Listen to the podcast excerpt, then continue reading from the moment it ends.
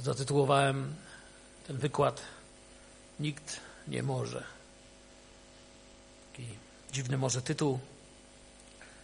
Wiecie, często kiedy spotykamy się z Słowem Bożym, kiedy mówimy o Bogu, to raczej bardziej kojarzy się nam to, że wszystko mogę.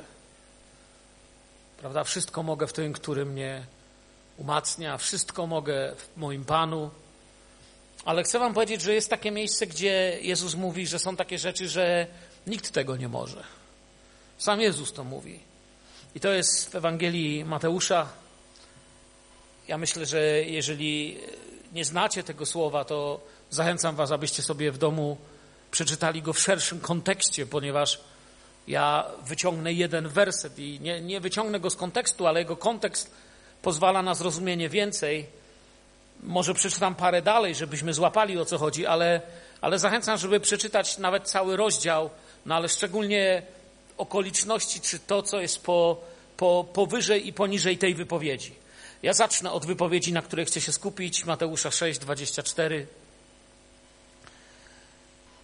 Mateusza 6, 24, od 24 wersetu zacznijmy. Ja przelecę parę wersetów dalej dla kontekstu. Nikt nie może być sługą dwóch panów, gdyż albo jednego będzie nienawidził, a drugiego kochał, albo do jednego przylgnie, a drugim pogardzi. Nie jesteście w stanie służyć Bogu i pieniądzom. Dlatego mówię wam, przestańcie martwić się o życie, o to, co jeść lub wypić, a także o ciało, o to, w co się ubrać, bo czy życie nie jest czymś więcej niż pokarm, a ciało niż okrycie? Zwróćcie uwagę na ptaki. Nie sieją one i nieżną, nie zbierają też do spichlerzów, a wasz ojciec w niebie żywi je. Czy wy nie jesteście dużo ważniejsi niż one? Kto z was, pomimo ciągłej troski, może swoje życie wydłużyć choćby o godzinę? A co do ubrania, dlaczego się martwicie? Zwróćcie uwagę, jak rosną polne kwiaty. Nie trudzą się, nie przędą, a mówię wam, nawet Salomon w całym swym przepychu nie był w stanie swym strojem dorównać jednemu z nich. Więc jeśli trawę polną, która dziś jest, a jutro znajdzie się w piecu, Bóg tak przyozdabia, czyż nie tym bardziej zadba o was, o ludzie małej wiary. Jak mówię, chciałbym się zająć tylko wersetem 24. Łukasz pisze o tym w ten sposób Łukasza. Ta wypowiedź jest w 16 wersecie. Nie musicie otwierać tak dla poglądu. Zobaczcie, jak bardzo się pokrywa z drobną różnicą, tylko żaden sługa domu nie może służyć dwóm panom, gdyż albo jednego będzie nienawidził, a drugiego kochał, albo jednemu będzie oddany, a drugim pogardzi. Nie jesteście w stanie służyć Bogu i pieniądzom. Tu jest tylko różnica w słowie sługa domu, domownik. Jak powiedziałem, wcześniejsza i późniejsza wypowiedź Pana Jezusa jest tak jakby łączona tym 24 wersetem. I wiecie, ten 24 werset też ma sens, jeżeli uważnie przeczytamy to, co jest przed i po. I tutaj nie chodzi o jakieś takie lubię albo nie lubię. Tutaj Pan Jezus nie stawia tego miejsca, gdzie życie dzieli się na prywatne, kościelne, zawodowe, erotyczne, hobbystyczne i nie wiadomo jeszcze jakie. Tutaj życie się nie dzieli. Tu jestem ja i jest mój Bóg. I jest wybór pomiędzy. Tu jest pewna walka w tych słowach, jest pewne ciśnienie pomiędzy wypowiedzią Pana Jezusa, pomiędzy ja i Bóg, gdzie remis jest niemożliwy, i jeżeli ktoś uzyskuje remis, oznacza, że nie żyje w prawdzie. I jeszcze raz powtórzę to, co powiedziałem, aby, abyśmy sobie zdali z tego sprawę. Jezus aż dwa razy, aż dwa razy mówi, że jest coś niemożliwego w tym, co nam wydawałoby się wygodnym. Nikt nie może. Jeśli Jezus mówi, że nikt nie może, to jeśli znamy Jezusa i wiemy, że to, co On mówi, to jest stuprocentowa prawda, to znaczy, że naprawdę nikt nie może. Bo jeśli gdzieś się Jezus pomylił wcześniej, to możemy powiedzieć, no i być może tu się myli, jednak może się da. Ale my wiemy, ci z nas, którzy przeczytali Ewangelię, którzy przeżyli coś z Bogiem, że Bóg się nie myli i Jezus mówi tutaj, nikt nie może. Jeśli nikt nie może, to nikt. Wiemy, co znaczy nikt, prawda? Definicja słowa nikt to znaczy nikt. Nie może. A w drugiej wypowiedzi Jezus mówi cały czas, teraz 24 werset tylko mamy, nie jesteście w stanie. Nie ma takiej możliwości, innymi słowami. Znamy takie powiedzenie czasami, kiedy ktoś nie może się zdecydować na coś, to, to, się, to się mówi albo wóz, albo przewóz, albo, albo, albo. Ja szczerze mówiąc nigdy nie rozumiałem, jak mi ktoś mówił albo rybki, albo akwarium. Tego nie rozumiem do dziś. Że mi ktoś kiedyś wyjaśni. Cała filozofia wysiada, moim zdaniem. No bo nie da się jednego bez drugiego, nie? Znaczy, akwarium można, ale nie widzicie, no już nie rozumie, sami widzicie, że nie rozumie wypowiedzi. A tutaj mamy albo, albo. Właśnie tak tutaj tu mamy i to jest powiedziane przez Pana Jezusa. Nienawiść jest przeciwstawiona miłości. Przywiązanie jest przeciwstawione pogardzie i nie ma nic pomiędzy, nie ma szarej strefy. Znamy z telewizji określenie szarej strefy. Wiemy, że szara strefa jest to robienie czegoś, co jest poza prawem. Że jakby, no, ci, co wyznaczają prawo, udają, że nie widzą, a ci, którzy z tego korzystają, udają, że nie znają prawa. I to jest szara strefa. Ani to białe, ani to czarne, nie? Że mi się wydaje, że powinna się nazwać czarna strefa, ale mówi szara. Nic pomiędzy. Jezus tłumaczy nam, że w ten sposób działa duchowy świat i jeżeli próbujemy coś zrobić inaczej, zaczynam sobie zdawać sprawę, kiedy studiowałem to słowo, wiecie, to jeżeli bym próbował inaczej, to będę próbował zrobić coś, co Bóg mówi, że nie mogę. Czasami Bóg mówi, że coś mogę, a my się boimy i mówimy, wiesz, ja wiem, że Biblia mówi, że mogę, ale nie wiem, czy starczy mi wiarę, aby móc. Tu Bóg mówi, że nie mogę. I nie wiem, myślę, że powinno nam starczyć wiarę, by uwierzyć, że nie mogę i coś z tym muszę zrobić w swoim życiu. On sam mówi, że się nie da i coś muszę jakoś na to odpowiedzieć. Druga ważna rzecz, która właśnie dlatego powiedziałem, że kontekst jest tutaj ważny, ponieważ troszeczkę nas tutaj gubi tłumaczenie. Ono jest dobre oczywiście, ale, ale potrzebujemy tego kontekstu. Konflikt nie jest tu pomiędzy Bogiem i diabłem. To na pewno zauważacie. Tu nie ma konfliktu pomiędzy Bogiem i diabłem. Oczywiście, wiecie, ludzie nieznający Słowa Bożego czasami mają takie wyobrażenie konfliktu między Bogiem i diabłem, jakoby wojnę dwóch wielkich, yy, dwóch wielkich sił.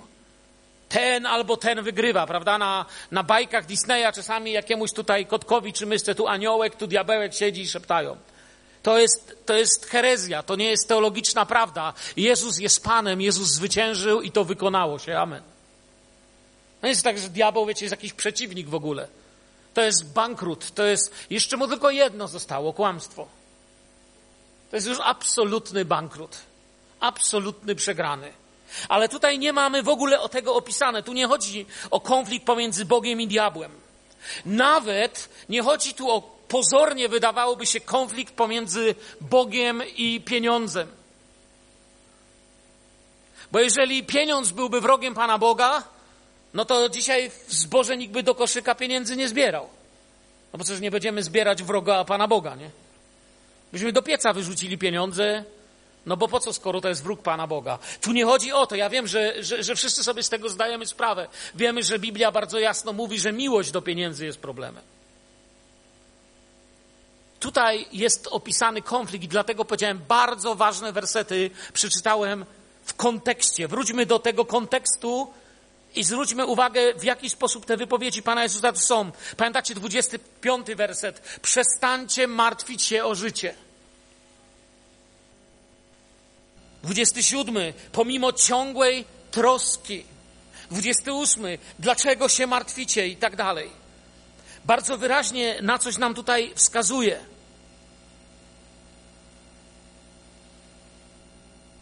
To jest konflikt pomiędzy Bogiem i troską o byt. Konflikt pomiędzy Bogiem i zmartwieniem, które jest w nas, pomiędzy wyborem swojego Pana, a Pan to jest ten, który panuje, a panowanie polega na kierowaniu, a to, co nami kieruje, pokazuje, kim jesteśmy.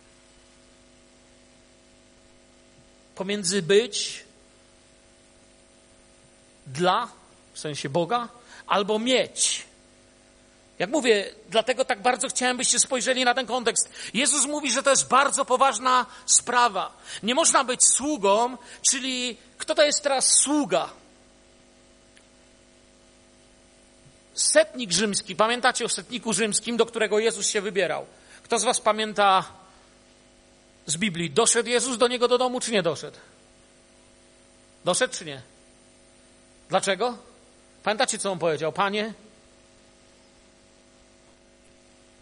a pamiętacie, co powiedział o zwierzchności? Mówię, jeśli któremuś z moich sług mówi, mówię, przyjdź, to co? Przychodzi.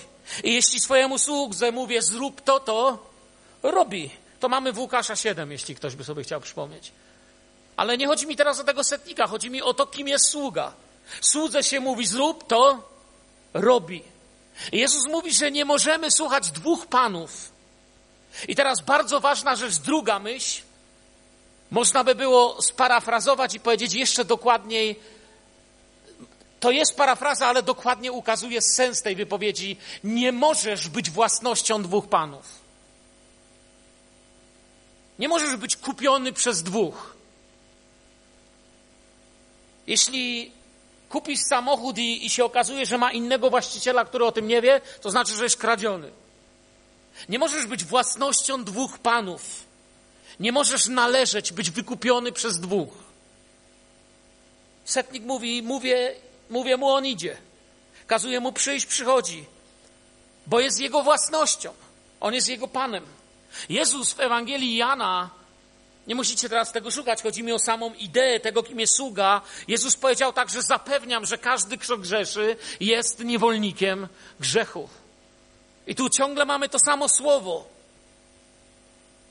Duluo. Duluo. To jest niewolnik, sługa, a on nie ma nic do powiedzenia. Dlatego, jak gdyby ktoś zapytał dzisiaj, jaka jest główna myśl tego, czym by się chciał tu dziś podzielić. Jak wrócicie, przyjaciele, do domu i ktoś powie, no co mieliście dzisiaj na waszym studium środowym, biblijnym, to to jest ta myśl. Nie mogę należeć do dwóch panów. Nie da się być własnością dwóch. Pan to tutaj mamy Kyrios. Wiecie, kiedy, kiedy Greka używa słowa Kyrios, to nie używa go w znaczeniu na zasadzie pan Kowalski na przykład. Kyrios jest bardzo mocnym słowem, oznaczającym rzeczywiście pan. Pan w sensie panowania. To nie jest lekkie określenie dla kogoś, kto po prostu coś tam sugeruje, żeby zrobić. Bóg pragnie, byśmy należeli do Niego. Nie możesz być własnością dwóch panów. Nie mogę być własnością dwóch panów. Nie mogę być własnością moich ambicji, porządliwości. Nie mogę być własnością niczego, co wypływa ze mnie i własnością Jezusa. I kiedy wiecie, zdałem sobie z tego sprawę, pisząc to, zobaczyłem, jak cierpliwy dla mojego życia jest Bóg. Zobaczyłem, jak wiele cierpliwości przez te lata mi okazał. Ciekawa jest historyczna tutaj, taka historyczna ciekawostka, taka, taka myśl, że wiecie, w Izraelu zdarzało się, że ktoś był własnością dwóch panów. To się zdarzało, wiecie, przez to, przez zadłużenie. I bardzo często kończyło się to śmiercią zadłużonego ponieważ zadłużył się i tu, i tu, i musiał odrabiać i tu, i tu, i w końcu gdzieś nie wyrabiał. Dzisiaj zresztą, jeżeli człowiek ma za dużo długów, to też nie wyrabia. Chociaż na inny sposób to działa. Ale wiemy, że na przykład najemnik żąda za swoją pracę zapłaty, natomiast niewolnik, on nie ma nic do gadania. Niewolnika nikt nie pyta, czy mu się podoba. Sługa ma zrobić i koniec. I ma wrócić z pola i jeszcze podać panu jeść i jeszcze powiedzieć, że do niczego się nie nadaje. To jest sługa. O swoim ludzie.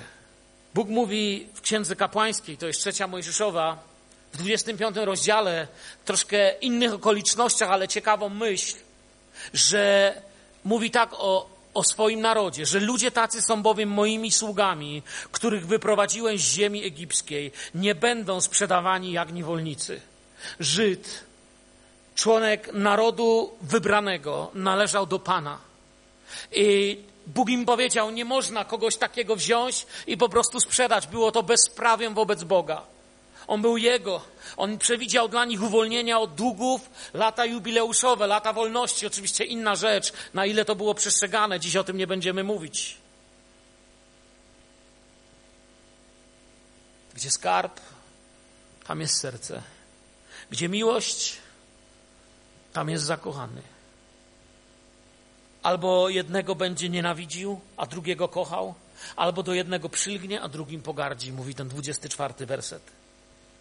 Jednego nienawidził. Mamy tu takie słowo miseo. A drugiego miłował, to to wszyscy znamy, agape. Wiecie, Bóg zawsze będzie chciał być pierwszy. Bóg nigdy nie zgodzi się być drugi. Bóg nigdy nie zgodzi się na bycie opakowaniem zastępczym. Kto żył w latach 80., wiedział, jak to wygląda. Bóg nigdy nie zgodzi się być przesunięty i postawiony obok jakiegokolwiek bałwochwalstwa. I tutaj powiedziałem, mamy to, jednego będzie nienawidził, do drugiego przylgnie, czy będzie miłował. Mamy miseo kontra agapi. I teraz ta nienawiść tu jest ciekawa w tym znaczeniu, wiecie, my tak czasami mówimy nienawiść, nienawiść. W tym znaczeniu nienawiść może oznaczać nawet, może, może być w swoim znaczeniu nawet prześladować albo ścigać z nienawiścią, pozbywać się ze swojego otoczenia, usuwać krok po kroku. Wiele tego typu znaczeń ma to słowo. Innymi słowami oznacza to, już tak bardziej po naszemu mówiąc, bez greki, że będzie coraz mniej i mniej i mniej i mniej Jezusa, a coraz więcej troski, troski, troski, albo coraz więcej Pana Jezusa, a coraz mniej trosk. W którąś stronę komuś musisz służyć. Bo zawsze się komuś służy. Tak, tak jesteśmy zrobieni, czy nam się to podoba, czy nie. Możemy krzyczeć, że nikomu, ale ale tak to jest. Mało tego, tu w tym znaczeniu to słowo może również oznaczać obrzydzenie. Czyli jak się czegoś brzydzimy, pogardę. Wiecie, co znaczy brzydzić się czymś, nie? Pamiętam, mi opowiadali też przyjaciele właśnie, misjonarze o swojej wizycie w jednej z takich na stepie azjatyckich, krytych futrami, w takiej jurcie. Wiecie, tam podaje się wyjątkowym gościom. Dokładnie w Mongolii. Wyjątkowe danie. Jest to oko owcy. I to oko owcy, on mówił, tak się rozpływa w ustach. I aż mu włosy stały na głowie, ale mówisz, to jest tylko dwa są. Kiedy jesteś wyjątkowym gościem, jedno dostaje najstarszy członek tej społeczności, a drugie dostaje honorowy gość. I wszyscy patrzą na ciebie z zazdrością. A ty w tym momencie nie chcesz być honorowym gościem. Czytałem też o, na pewno znacie yy, Dona Richardsona, misjonarza z napisał jedną z moich ulubionych książek Wieczność w ich sercach albo stara książka Dziecko pokoju. I ludzie z jego misji też opowiadali właśnie o takim e, spotkaniu z kolei w Ameryce Południowej wśród Indian, gdzie wiecie, najstarsze Indianki z tego plemienia gryzą jakąś tam trzcinę i plują do takiego wspólnego kamiennego wiadra. Potem to mieszają trochę z wodą, z jakimiś sokami, fermentują i podają do picia. Smacznego. Wiecie teraz, co znaczy obrzydzenie, nie? Już więcej nie będę opowiadał. ale również i w tym znaczeniu mamy tutaj to słowo. Wstręt, pogardę. I można zacząć tak się brzydzić, można po prostu nie chcieć nawet mówić. Jeśli czegoś się będę brzydził, do tego tu zmierzam, to jest sens tych wypowiedzi, mojej myśli, to jest, będzie tego w moim życiu coraz ile? Mniej i mniej i mniej, ponieważ tego nie chcę, gardzę tym, brzydzę się. I tu w tym znaczeniu też jest to nienawidził. Jednego z tych panów się nienawidzi. Albo zaczynam sobie gardzić moimi ciągle niepokojącymi mnie porządliwościami, troskami, niepokojami. I zaczynam kłaść, Boże, weź to ze mnie, nie chcę mieć w niczym zmartwienia, prócz tego, żeby wiedzieć, że jestem w Twojej dłoni, że jak ta pieśń dziś mówiła, choćbym wszystko miał, a ja Ciebie mam, to przecież nie potrzebuję nic. Albo mogę zacząć mówić, no, Bóg Bogiem, ale, ale jutro poniedziałek. Bóg Bogiem, ale do dziesiątego daleko. Znaczy akurat dzisiaj nie jest daleko do dziesiątego, ale wiecie o czym mówię, nie? Kogo mniej jest ciągle w moim życiu? Co się zmieniło przez te lata, kiedy poznałem Jezusa? Czy, czy mniej jest mnie, a więcej Jezusa? Czy właściwie w tamtym roku mogłaby mi żona powiedzieć, wiesz, w tamtym roku miałam wrażenie, że bardziej miłowałeś Pana? Czy może mi powiedzieć moja żona, wiecie, nasze żony, nasi mężowie, ci, z którymi żyjemy najbliżej, oni najlepiej powiedzą nam, jeśli ich szczerze spytamy, jak wygląda moje świadectwo, moje chrześcijaństwo. Czy odkryję, że pozwoliłem sobie z powodów osobistych obrzydzić służbę dla Pana? Dla Jego sprawy, ponieważ jakieś moje osobiste problemy. Czy odkryję, że mój dom, mój czas nie należą już do Pana? Że kiedyś czymś bym rzucił i byłbym dla Pana, ale nie dziś. Dziś jestem racjonalny, przedsiębiorczy, oszczędny. Dawniej ryzykowałbym, że jeśli w coś wierzę, to daję w to, ale nie dziś. Co odkryję? Bo wiecie, z miłością sprawa ma się równie radykalnie. Kiedyś tu mówiłem na ten temat, za dużo nie chcę powtarzać. Pamiętacie, mówiliśmy, że miłość, ta eros, ta między mężem i żoną, jest miłością warunkową. Ona ma uwarunkowania.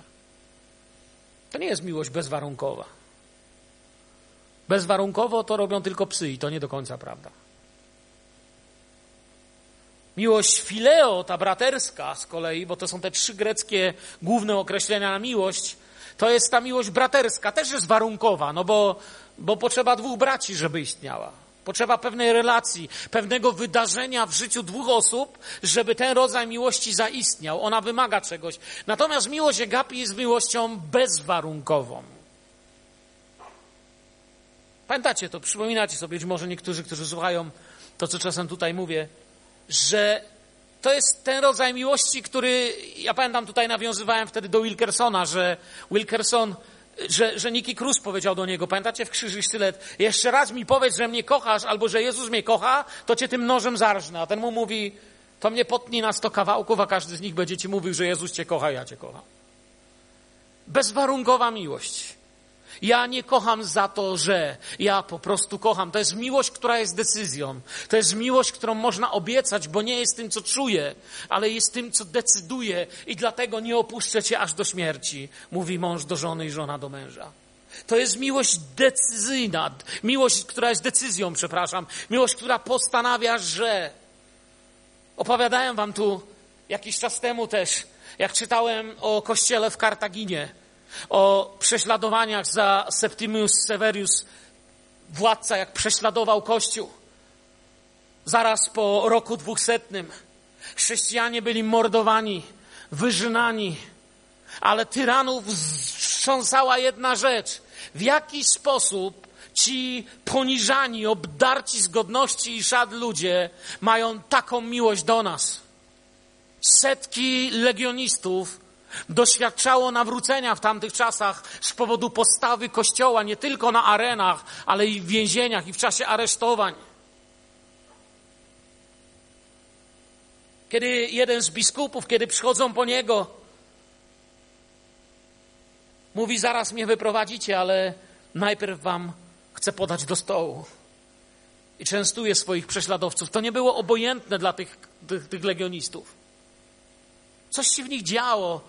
Byli miłowani bezwarunkowo. Warunkiem nie było, że jeśli ty. Jest takie heretyckie przysłowie, jak Kuba Bogu, tak Bóg Kubie. Ale to jest herezja. Dlatego, że tak Bóg umiłował świat, że dał swojego syna, zanim ja go umiłowałem.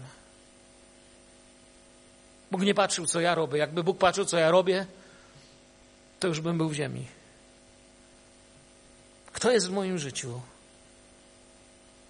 To są bardzo radykalne słowa.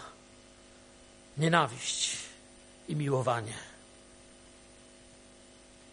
To agapi, to jest ta bezwarunkowa decyzja na dobre i na złe, kiedy wierzę, że chcę iść za Jezusem.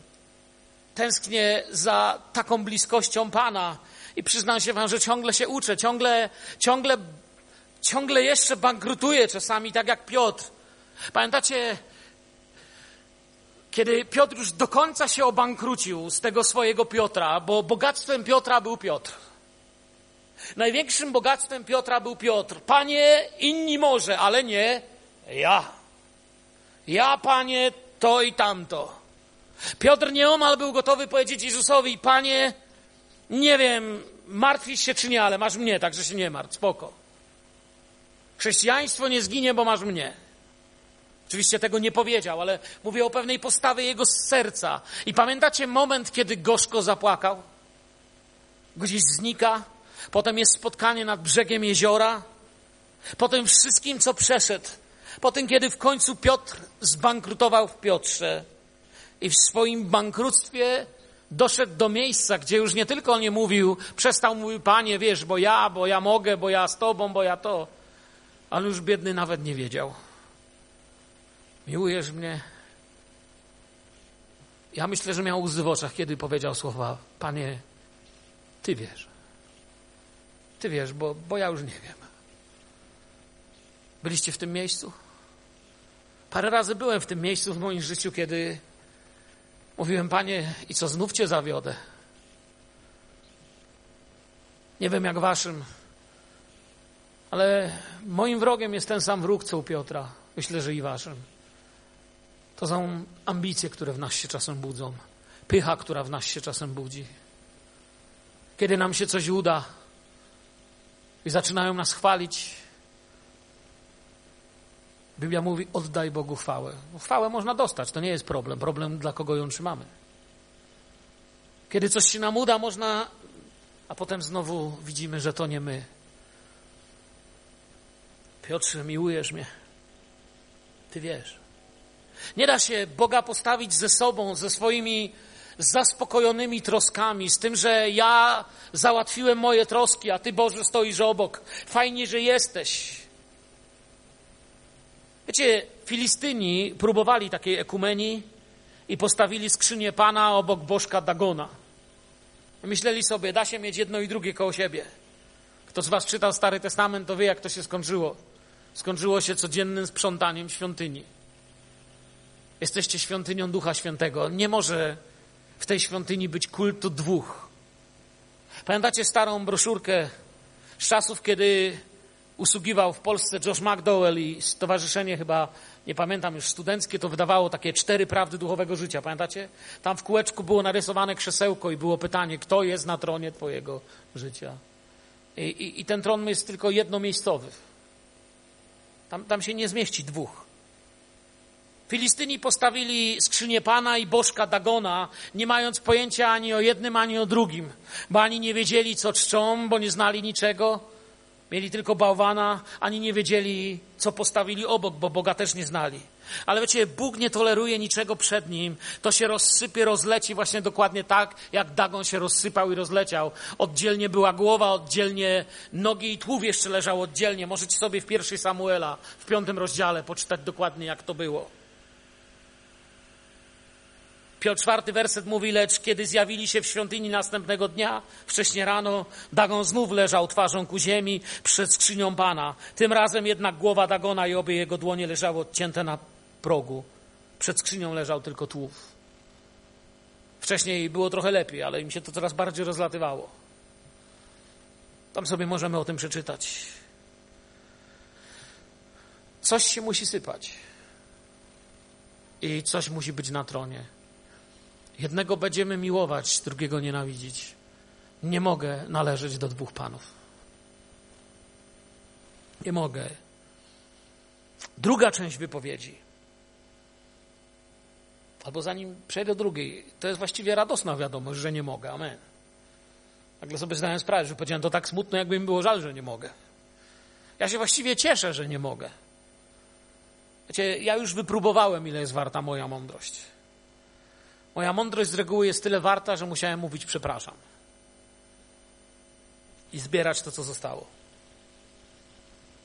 Chcę się uczyć, żeby moim Panem był Jezus. Chcę się uczyć, żeby prowadzenie Duchem Świętym nie było tylko tytułem kazania, które pamiętam. Druga część wypowiedzi. Do jednego przylgnie, a drugim pogardzi. To jest druga część 24 wersetu. Mówiłem, że napięcie, ta, ta walka tu nie jest pomiędzy Bogiem i diabłem. Nie jest pomiędzy Bogiem i portfelem. Jest pomiędzy Bogiem i troską o byt. Martwieniem się, czy zaspokoję, czy wystarczę sobie jako Pan mojego życia. Mówi o chodzeniu z Bogiem albo trosce o byt o stanie, w którym moje serce musi znajdować dzień w nocy, o przylgnięciu do jednego z panów. Do jednego przylgnie, do jednego przylgnie, drugim pogardzi. Gdyby mnie zapytano, co rozumiesz pod słowem przylgnie, to kiedy rozmyślałem na tym, modląc się, kiedy, kiedy siedziałem sobie z tym słowem, teraz jest lato, często w ogrodzie, koło mojej śliwki w krzakach takich siedzę sobie i tam się modlę, tam przygotowuję rano słowo. Kiedy siadam tam rano, czasem mówię, Panie, Panie Jezu, pokaż mi dzisiaj, co w tym słowie masz. Jak, jak można przygnąć do Ciebie tak, bym zrozumiał, co Ty tu mówisz? Wiecie, jaka myśl momentalnie mi się pojawiła? Henoch chodził z Bogiem. Henoch chodził z Bogiem, pamiętacie? Starotestamentowego Henocha. To znaczy chodzić z Bogiem. To jest najlepsza definicja wiary. Wiara to znaczy chodzić z Bogiem, a przeciwieństwem tego jest pogarda. Katafraneo, po, tak dziwnie po, po grecku brzmi. To mamy tu pogardzi, co oznacza w swojej definicji to słowo lekceważyć, zaniedbywać, zostawiać na koniec jako mniej ważnego. Nie wiem jak wy, ale ja to kilkakrotnie Panu Bogu zrobiłem. Kilkukrotnie w moich finansach Bóg był mniej ważny niż ja. Kilkukrotnie w moich ambicjach życiowych Bóg był mniej ważny niż ja. Nie mówię wam o tym pierwszym, najpierw powiedziałem o tym jemu. Nie chcę żyć takim życiem, w którym on jest na drugim miejscu. W którym jeśli coś mi w garku zostanie, to sobie możesz zjeść. Masz tutaj Boże. Masz, wypchaj się tym, tyle mi zostało to nie jest traktowanie Pana. Tak się nie traktuje Pana.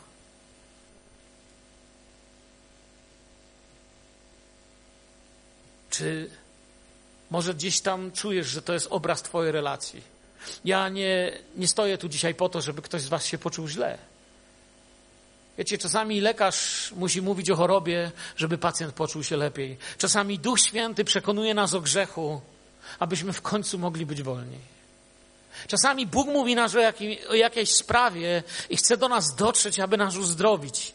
Chce nam pokazać, może modlisz się, mówisz, Panie, gdzie jest powód moich problemów? Panie, gdzie jest powód tego, że nie uzyskuję to, o co się modlę? Dlaczego wokół mnie nie ma uzdrowienia? Dlaczego nie mogę przeżyć chrztu w Duchu Świętym? Dlaczego nie ma tego, o czym czytam w książkach i słyszę w świadectwach? Kiedy ja walczyłem o moje życie w szpitalu, to jest dobre słowo, walczyłem bo to była prawdziwa walka, to do momentu, aż nie przekazałem jemu tej walki, to już mija 10 lat od tamtego dnia, kiedy powiedziałem mu, nigdy nie będę miał żalu o to, co mi się stało. Należy mi się. I wtedy zrozumiałem, że, że w ogóle źle mówię do Boga, że mi się nic nie należy, nawet to, że jedyne, co się należy, to Jemu chwała, a we mnie jakaś pokora, jakieś wyznanie I powiedziałem mu o moich plotkach, oszczerstwach, o tym, że nie zawsze myślałem, co mówię, tylko mówię, co myślę. I przyszło uzdrowienie. Bóg mnie przyszedł i mnie podniósł. Postanowiłem, że chcę go mieć na pierwszym miejscu. Ciągle się uczę. Ciągle gdzieś w okolicach przedszkola jestem, ale wiem jedno, że wtedy przychodzą prawdziwe rzeczy od Pana, że wtedy przychodzą odpowiedzi na modlitwę. Wtedy modlisz się z Twoim bratem i siostrą. Ostatnio modliłem się z jedną osobą, która przyszła i mówi: Słuchaj, tak pragnę chrztu w Duchu Świętym. Ej, mówię, pamiętaj jedną rzecz, ja tego nie mam w kieszeni. Ja tego nie mam w dłoniach, ja tego nie mam u siebie, żeby ci to dać. Ale to jest coś, co przychodzi z góry. I zaczęliśmy się modlić. Wiecie, nie ma nic piękniejszego niż zobaczyć świątynię Ducha Świętego, na którą wstępuje Pan, kiedy ta osoba, ta, ta, ta przyjaciółka zaczęła się modlić, wiecie, łzy zaczęły płynąć z oczu i zaczęła chwalić i wielbić Pana, kiedy pięćdziesiątnica przestała być historią, kiedy przestała być opowieścią z drugiej ręki, a kiedy Bóg zasiadł na tronie i w tej świątyni Pana rozpoczęła się chwała, która trwała w drodze do domu, która trwała w nocy, która trwała nad ranem, która trwa, to nie jest kwestia daty wpisanej w rubrykę to jest kwestia chodzenia, przylgnięcia. Musi być usunięty albo Bóg, albo Bożek. Jak mówię, dopóki nie podejmiemy decyzji, no to jest dużo sprzątania. Tak jak u Filistynów. Bo I nawet nie wiadomo właściwie, co to za miejsce. Ani, ani to z Bogiem, ani to bez Boga. Ani to świadectwo, ani wiara z drugiej ręki. I to czuję się, wiecie, kiedy kocham Jezusa, upodabniam się do Jezusa. Kiedy kocham bałwana, upodabniam się do bałwana. Czy to jest biblijne stwierdzenie, czy nie? No śmiało powiedzcie, nieprawda, herezja, albo prawda. Psalm 115, nie? Psalm 115 pięknie się zaczyna. Nie nas, Panie, nie nas, ale Twoje imię otocz chwałą. Kto używa tłumaczenia warszawskiego, tam jest nie nam, panie. Celowo używam innego, wiecie, tak trochę odświeża. Sami na nowo słyszymy. Ja często nad ranem, kiedy żona przychodzi mi do ogródka dolać kawy, mam cztery Biblie na stoliku, bo ja lubię przeczytać w czterech wersjach. Znaczy niektórzy są tacy mądrzy, że im starcza jedna, ale ja mam takie braki, że jak sobie przeczytam czterech, to lepiej rozumiem. Nie nas, Panie, nie nas, ale swoje imię otocz chwałą ze względu na Twoją łaskę, ze względu na Twoją wierność. Cały psalm jest piękny, ale podoba mi się, kiedy zaczyna mówić o bałwanach. I te bałwany tyle mają. Mają usta, mają oczy, mają uszy, mają nosy, mają ręce, mają nogi.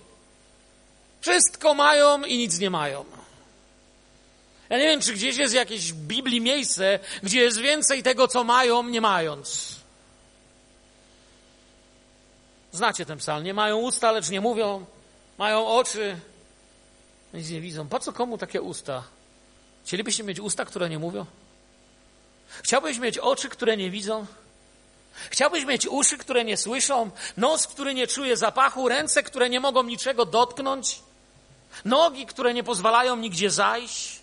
Z ich krtani nie wydobywa się nawet najmniejszy dźwięk. I ósmy werset po prostu wyrywa z butów, wybaczcie za określenie.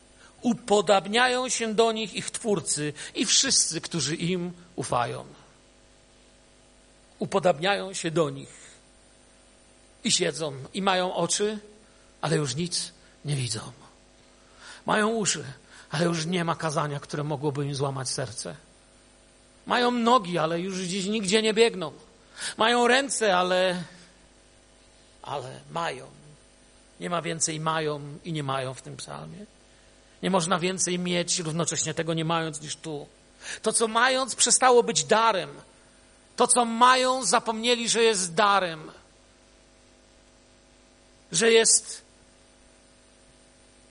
dane po coś. Ci, którzy czczą bałwany, mają, ale nie mają. Dlatego dziś ten Bożek troski o byt, egoizmu sprawił, że ludzie są gotowi zabijać się, kłamać, oszukiwać, podsadzać, robić pod, pod sobą dziury, kopać pułapki i ciągle nie mają i ciągle nie są zadowoleni. I ciągle nie ma takiej kwoty, która by zadowoliła. I ciągle nie ma tego, co by powiedzieli, że w końcu dość. Dlatego, że nie zrozumieliśmy, co to znaczy być bogatym i co to znaczy być ubogim. Mi się to podoba. Nie? Kiedyś tu już mówiłem w innej okazji o tym, jak w tym naszym słowiańskim języku to fajnie brzmi. Nie, nie wiem, czy pamiętacie, wtedy powiedziałem, że jak ktoś jest polonistą, żeby mnie nie osądzał. Ja nie jestem. Mi to po prostu brzmi. Bogaty to jest taki, co z Bogiem jest na ty, a ubogi to jest taki, co jest uboga z wszystkim. Lepiej się kojarzy. Ludzie zabijają się dziś rzeczy i ciągle nie mogą ich mieć. Ciągle nie mają zaspokojonej dziury, ponieważ, jak mówię, zatraciliśmy świadomość tego, co to znaczy być bogatym i co to znaczy być biednym i co to znaczy być ubogim, bo to są trzy różne rzeczy.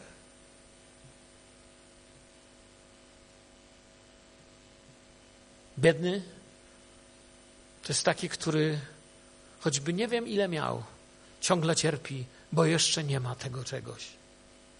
Jeszcze jest coś, żeby to miał. I wszyscy wpadamy w tą pułapkę, od małego do dużego. W innej okazji, w tym roku na kongresie mówiłem o tym, to zupełnie inna okazja była. Wspominałem, kiedy mój syn miał, nie wiem, chyba miał pięć lat, może jeszcze nie miał, nie wiem, chyba cztery, ponad cztery chyba miał. Przyszedł do mnie z katalogiem klocków Lego. Wiecie, jaką chłopaki mają poważną minę, kiedy coś załatwiają, nie? Katalog klocków Lego w ręce i ta mina po prostu mina wojownika, zdecydowany na wszystko. Tato, widzisz ten zestaw? Mówię, no widzę. Tato, jeżeli to mi kupisz, to do dorosłości już nic nie będę chciał. Mówię, na pewno? Na pewno. Tylko to mi kup. Do dziś mu to wypomina. Śmiejemy się razem. Czy czasem tak nie mówimy przed Bogiem? Nigdy dość, nie? Jeśli to będę miał. Choćbyś nie wiem, jak był bogaty, możesz być biedny, bo ciągle tego czegoś jeszcze nie ma. Ale możesz mieć bardzo mało, ale kiedy w końcu powiesz, Panie, dziękuję za to, co mam i tym, co mam, chcę Cię uwielbić, naprawdę jesteś w Bogu bogaty i ubogi w duchu. Błogosławieni ubodzy w duchu Myślę, że najdokładniejsze tłumaczenie tych słów byłoby błogosławieni, zależni duchowo od Boga. Błogosławieni, zależni od Boga, nawet tak. Się nie można skręcić w prawo, skręcając w lewo. Ja wiem, że czasami, kiedy pokazują nie w telewizji lekcje nauki jazdy, instruktor mówi w prawo, ona skręca, mówi nie w to prawo, w to drugie prawo. Ale w życiu nie da się skręcić i w prawo, i w lewo. Innymi słowami, Jezus kończy to, to zdanie, nie jesteście w stanie służyć Bogu i pieniądzom, czy mamonie. Mamy dokładnie tutaj słowo mamona, mamonas. To nie jest greckie słowo. To jest słowo aramejskie, chociaż nie ma go w Starym Testamencie. I kiedy Żydzi między sobą rozmawiali, używali tego słowa właśnie w tym znaczeniu, nie tyle gotówki na ręce, co właśnie w znaczeniu troski o dostatku, w znaczeniu dostatek, bogactwo, posiadanie dóbr w tym znaczeniu. Nie da się poświęcić jednemu i drugiemu. Pan musi być jeden. Te, ta wypowiedź Jezusa to nie jest zakaz zrobienia biznesu. Niech Bóg błogosławi chrześcijańskich biznesmenów. Chrześcijański biznes, biznes to jest właściwie jedyny uczciwy biznes, nie? gdzie Bóg jest na pierwszym miejscu. To jest raczej wezwanie do tego, że metody i serce należą do jednego Pana. Że Twoje serce nie może należeć do Jezusa, a metody do Ciebie. Że nie możesz być radykalnym teologiem z liberalnym podejściem do życia. Znam ludzi, którzy nawet w wielkim biznesie woleli stracić, bo Pan był pierwszy. Znam ludzi, którzy z powodu pieniędzy zapomnieli o Jezusie, zapomnieli o wszystkim, zapomnieli o Bożych planach i słowie. Bo nie da się długo chodzić z podzielonym sercem, podzielony duchowo. Wiecie, jest takie słowo, które przeraża, szczególnie tych z Was, którzy już coś w życiu widzieli. Schizofrenia. Słyszeliście takie słowo? Kto wie, o czym mówię, to wie, jaki to jest dramat. Słowo schizo znaczy rozdzielone. Schizofrenia, rozdzielony umysł. Podzielone coś w jednym dwa. Problem, ogromny problem. Nie jestem lekarzem, nie umiem tego wytłumaczyć. Może jest lekarz, powie ci lepiej, ale straszny, straszny problem.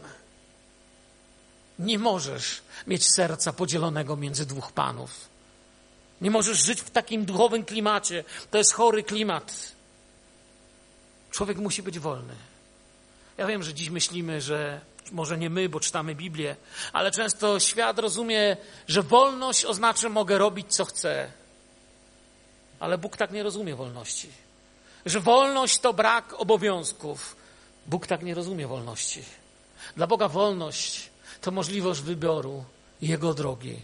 To możliwość bycia całym dla Niego. W tym jestem wolny, w Nim jestem wolny. To możliwość, że mogę to robić. Bo nie da się nic nie robić. Bóg uczy nas o dziesięcinach, jałmużnach, dawaniu. On nie mówi tu przeciwko pieniądzom. Mam pracować i zarabiać. Nawet mam dobrze zarabiać, ale pozostawać ubogim. Jeśli macie zdolność do prowadzenia firmy, macie dobre wypłaty, chwała Bogu, dziękujmy Bogu. Pozostań jednak w tym ubogim. Pamiętajcie, świat kłamie na temat ubóstwa. Świat mówi, że ubóstwo jest złe, bo ubóstwo oznacza, że dzieci nie mają butów i ktoś nie ma chleba. Ale to jest kłamstwo, to w ogóle nie jest ubóstwo, to jest bieda. Jest złe. Bieda powoduje, że są wykorzystywane dzieci, kobiety i mężczyźni. Bieda powoduje, że robi się ludziom krzywdę, ale to nie ma nic wspólnego z ubóstwem. Ubóstwo to oznacza mieć choćby miliony.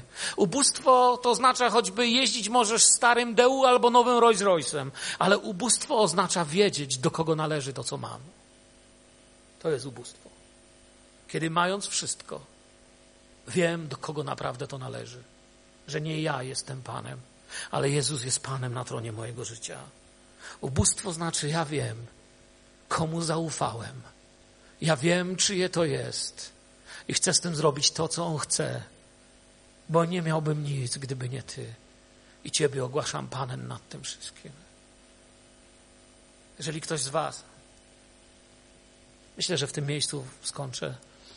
Jeśli ktoś z Was czuje dzisiaj, że w jakiejś dziedzinie rozpocząłeś reformy w tej sprawie, albo musisz je rozpocząć, albo być może nawet czujesz, że gdzieś coś jest nie tak, chciałbym, byśmy mogli się o Ciebie pomodlić.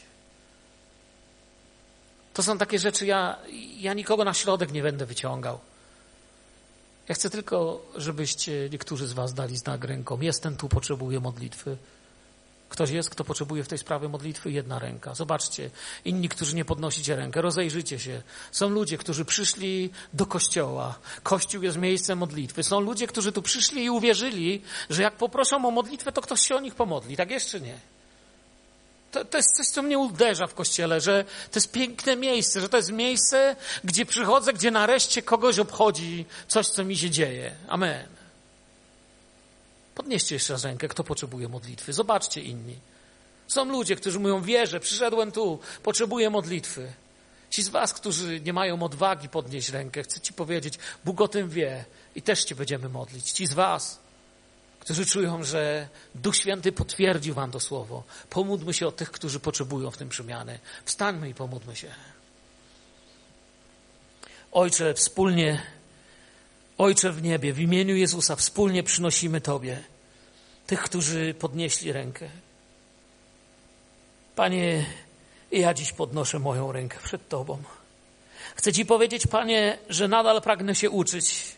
Chcę Ci powiedzieć, Panie, że dziękuję Tobie, że rozpocząłeś w sercach wielu z nas prawdziwą reformę, rewolucję, że Ty chcesz zająć każde miejsce i chcesz uczynić nas w tym szczęśliwymi. Ale proszę Cię, otwórz dzisiaj serca, uszy.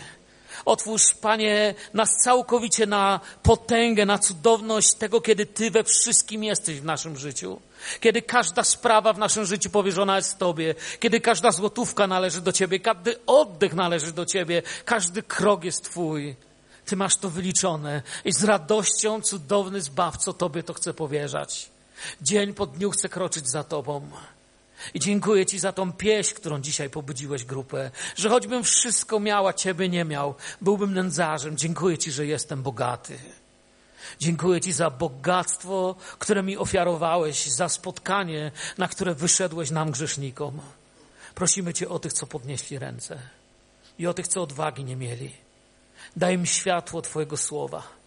Daj im zrozumienie Twojego słowa. Daj nam przemieniać siebie i chodzić za Tobą, nasz kochany Zbawicielu. Bogosław każdego brata, siostrę, gościa w drodze do domu. Skieruj dziś nasze myśli ku Tobie jeszcze bliżej. O to Cię prosimy w imieniu Jezusa.